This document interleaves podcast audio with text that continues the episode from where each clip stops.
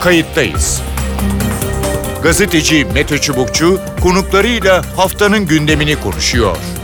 Tarihi yaşarken olaylara kayıtsız kalmayın.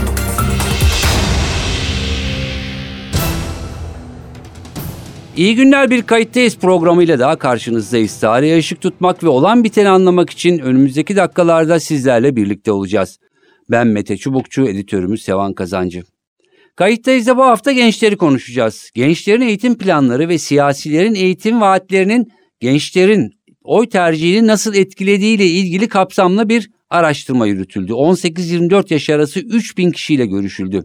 Araştırmaya göre gençlerin %84'ü yurt dışında eğitim almak istiyor.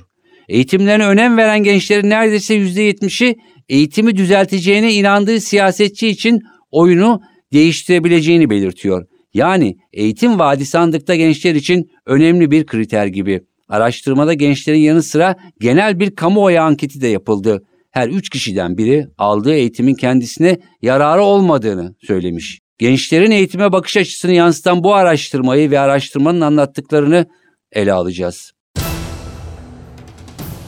Kayıttayız'ın konuğu Doktor Sabiha Sunar. Sabiha Sunar, e, TET yani Türk Eğitim Derneği Düşünce Kuruluşu Koordinatörü ve eğitim uzmanı. Hoş geldiniz programımıza.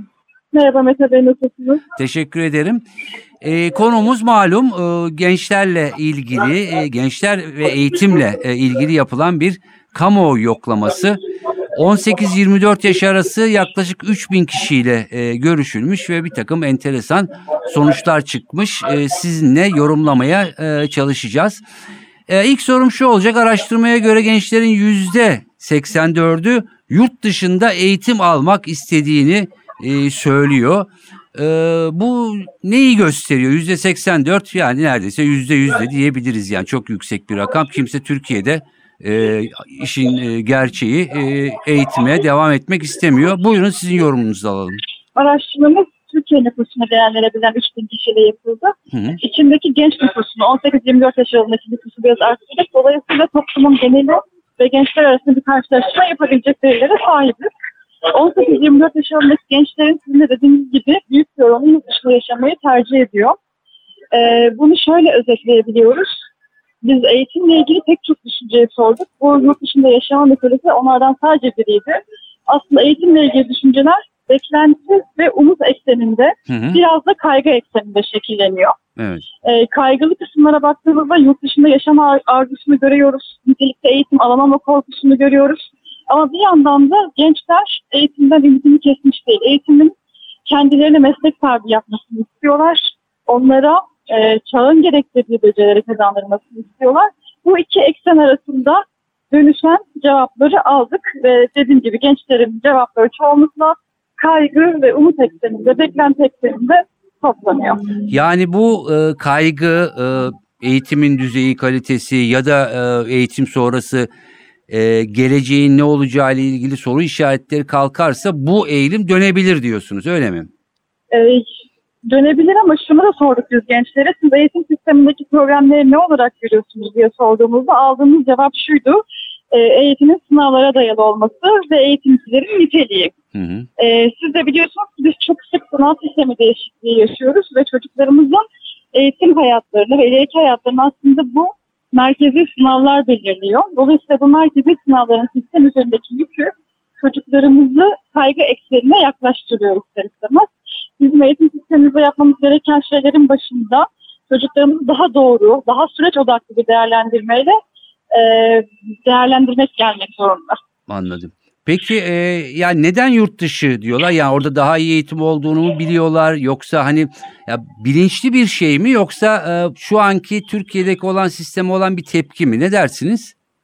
Şöyle söyleyebiliriz, biz gençlerle derinlemesine görüşmeler de yaptık. Onların eğitimden beklentilerine ilişkin zihin haritalarını çıkarabilmek adına.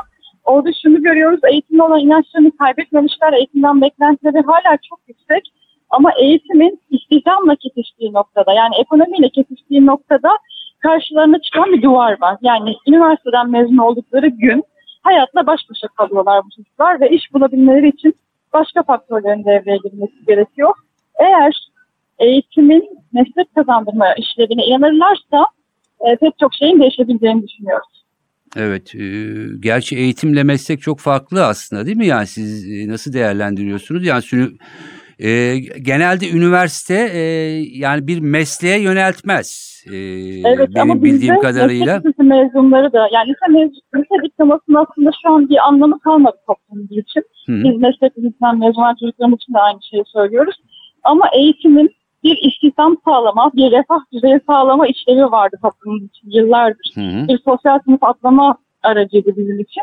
Şu an ona duyulan inancın tazelenmesine ihtiyacımız var gençler açısından. Anladım. Yani e, üniversitede verilen eğitimin e, istihdam alanında karşılığı e, yok mu ya da yeterli istihdam mı yok yoksa üniversite sayısı mı fazla e, ne bileyim Bu yüksek çok bilinmeyen bir denklem aslında.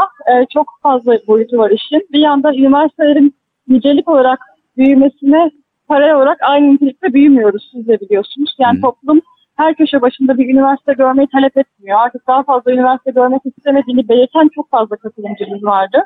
Daha nitelikli bir eğitim talepleri var üniversite açısından. Ama e, istihdam sağlayan iş dünyasına baktığımızda da orada beceri uyuşmazlığını da görüyoruz. Yani üniversitelerin çıktılarıyla iş dünyasının beklentilerinin uyuşmadığını da görüyoruz. Bu Türkiye'de de yaşanan bir problem. E, bu problemin çok boyutlu bir şekilde Evet. değerlendirilmesine ihtiyacımız var. Evet, yani- eğitimin buyurun. e, aynı amaç doğrultusunda belki ya da paralel amaçlar doğrultusunda bir hedef belirlemesi gerekir. Evet yani sonuçta avukat olmak için üniversiteyi bitirmek e, gerekiyor. Ama mesela e, eskiden meslek e, liseleri vardı e, kaldırıldı. Ama bütün dünyada Avrupa'da Almanya'da çok önemli e, okullar bunlar. Değil mi? Mesleğe yönelten. Sıkıntımız şu, örneğin organize sanayi bölgelerinde açılan meslek eğitim merkezlerinin e, en yüksek oranda olanı da güzellik ve cilt bakımı. Yani bizim e, bağlam düzeyinde yaptığımız stratejik hatalarımız var. Önce onları toparla, toparlayabiliriz. Bir de meslek yüksek okullarını sistemde doğru olarak konumlandıramıyoruz. Meslek liselerinden mezun olanlar da meslek yüksek okuluna gidebiliyor. Ya da e, Anadolu Liselerinden mezun olanlar da gidebiliyor ve ikisi aynı sınıf içinde iki senesini geçirmesi gerekiyor. Birisinin hiçbir teknik becerisi olmamasına rağmen o iki yılda onları kazanması gerekirken diğerinin lisede öğrendiğinin üzerine bir şeyler katması gerekiyor. Dolayısıyla e, attığımız adımlar, adımlar üzerinden düzeltmemiz gereken çok çok temel politikalar var. evet yani e, araştırmaya göre eğer üç kişiden birisi aldığı eğitimin kendisine yararlı olmadığını da e, söylemiş. E, bu Evet. sizin e, yorumlarınızı da Eğitime bir şey katmadığını düşünüyorlar kendilerine. Ama çocukları için sorduğumuzda, çocuğumuza ne katmasını bekliyorsunuz dediğimizde o zaman iş değişiyor. Herkes çocuğu için iyi bir iş beklentisi içinde eğitimden. Evet. Ee, demek ki bir yerde bir yanlış var. Yani sonuçta çok üniversite açmak e, istihdama bir yarar e, sağlamıyor. Belki geçici olarak e, gençleri bir şekilde e, o dönemde orada e, tutuyor. Peki e, eğitimi düzeltecek siyasetçiye yani eğer ona inanırlarsa sandıkta ona oy verebileceklerini söylemişler. Öyle mi? Evet şöyle biz önce sorduk sizin seçim vaatleriyle oyunuz değişir mi diye. Buradan aldığımız cevapları daha sonra eğitimi düzelteceğine inandığınız siyasetçi için oyunuzu değiştirir misiniz diye ikinci bir soruyla karşılaştırdık. Ve ikincisinde bu oranlar çok ciddi bir şekilde arttı. Toplumun %56'sı, gençlerin ise %67'si eğitimi düzelteceğine inandığı siyasetçi için oyunu değiştirebileceğini ifade ediyor. Yani e, eğitim konusu sadece istihdam değil anladığım kadarıyla. Çünkü o başka Tabii bir ki. şey. Ee, Eğitimin istihdam işlevini az önce konuşmuştuk. hı hı. eğitimden beklenti biraz bu yönde. Hem fırsat eşitliğini sağlama hem de istihdam sağlama yönünde biraz bir beklenti var. Büyük Hı. bir beklenti var daha doğrusu. Ee, ama eğitime verdiğimiz önem ekonomiden sonra ilk sırada çıkıyor. Evet, e, buradan da e, siyasetçilere bir e, mesaj yollayalım. Yani önümüzdeki seçimlerde e, gerçekten eğitimi e, eğilen e, ve gençleri e, bunu düzelteceği yönünde e, gençleri ikna edebilenler e, re oylar gidecekmiş en azından bu e, araştırmaya e, göre diyelim. Şimdi 18-24 yaş Z kuşağı mı oluyor? Hangi kuşak oluyor bu yaş? Ee, Z kuşağı diyoruz ama e, kuşak teorisinin Türkiye'de işlemediğine dair de önemli tespitler var. O yüzden biz Z kuşağını Z kuşağı terimini kullanmaktan imtina ediyoruz. Hı hı. Biz 18-24 yaş aralığındaki gençlerimiz Neden? olarak- Türkiye'de farklı mı koşullar? Ee, şöyle bu bir teori X, Y, Z kuşağı. Hı hı. Ee, koşullar farklı değil ama bağlama göre değişen bazı şeyler söz konusu. Bunu sosyologlar çok daha kapsamlı bir şekilde açıklıyorlar. O yüzden genç, yani Z kuşağı dediğimiz şey Türkiye'de çok homojen değil. Dolayısıyla gençler üzerinden konuşmak ve gençlerin değişen e, farklı faktörler üzerinden konuşmak daha doğru. Peki genel bir şey soracağım. Belki bunun hani e, sorusu ya da yanıtı yoktur ama bu araştırmanın sonucunda siz nasıl bir e, en azından bu örnekler üzerinden bir genç kuşak gördünüz? Umutlu, umutsuz, karamsar, önünü açık gören, kapalı gören. Yani na- nasıl değerlendirirsin genel olarak? Ee, şöyle söyleyebilirim ben hem toplumun için hem gençler için hala eğitimin öneminin çok olduğunu düşünüyorlar. Yani Türkiye'nin güçlü bir ülke olması için eğitime önem verilmesi gerektiğini düşünüyorlar. Ya da para ve statü sahibi olmak için eğitim almanın önemli olduğunu düşünüyorlar. Dolayısıyla eğitim olan inancımız hiç kaybolmadı ülke olarak. Ama bizim eğitimli ülkenin öncelikli gündemi haline getirmemiz lazım. Çünkü hem ulusal göstergeler hem de uluslararası göstergelerdeki karşılaştırmalarda Türkiye'nin eğitimle ilgili ortaya koyduğu fotoğraf çok iç açıcı değil. Evet. Bu gençlere de yansıyor. Gençler eğitimin içinde kalmak istiyorlar, okullarına devam etmek istiyorlar. Ama bunun sonucunda da insan onuruna yakışır bir şekilde bir refah seviyesine sahip olmak istiyorlar. Evet. E, zaten eğitim süresince e, özellikle bu son dönemde e, yani yurtlardan efendim ev kiralarına vesaire e, çocukların e, binlerce sorunu da e, var. Peki liyakatla ilgili bir soru var mıydı acaba bunda eğitim sonrasından liyakata önem veriliyor mu verilmiyor mu e, gibi e, soru var mıydı acaba? E, bizim sorularımız arasında yoktu ama derinlemesine görüşmelerde seçmenin beklentilerini ya da düşüncelerini anlamaya çalıştığımız o derinleşme, derinlemesine görüşmelerde çok fazla vurgu yapıldı bunun için.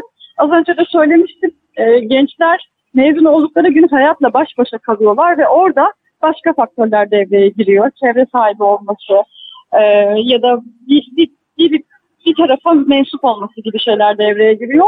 Bu gençlerin sıkça vurguladığı şeylerden biriydi liyakat konusunda.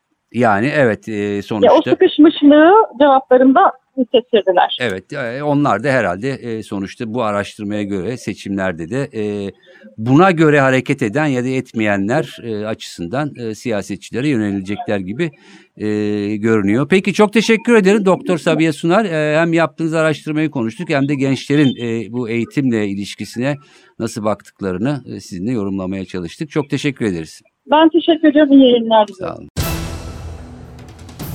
Evet görüşler böyle. Ee, önemli bir e, araştırma. Gençlerin nabzını e, tutuyor. Ee, bir yandan e, gerçekten e, onların bir umutsuz yanını ortaya koyuyor ama bir yandan da bir takım düzeltmeler yapıldığında e, beklentilerini, umutlarının ne kadar yükseleceğini de ortaya koyan e, bir e, araştırma. E, ama bugünden baktığımızda durum parlak e, değil. E, maalesef gençler eğitimlerinin karşılığını alamadıklarını e, burada belirtiyorlar ve kendilerini yurt dışında görmek istiyorlar bu araştırmaya göre. Ama yine söylediğimiz gibi küçük e, değişikliklerle bu yön içeriye doğru da çevrilebilir. Türkiye'nin bu tecrübesi söz konusu tabii ki liyakatı da öne koymak gerekiyor. Ben Mete Çubukçu editörümüz Sevan Kazancı. Kayıttayız'dan bu haftalık bu kadar. Haftaya yeniden buluşmak üzere. Hoşçakalın. Kayıttayız. Gazeteci Mete Çubukçu konuklarıyla haftanın gündemini konuşuyor. Tarihi yaşarken olaylara kayıtsız kalmayın.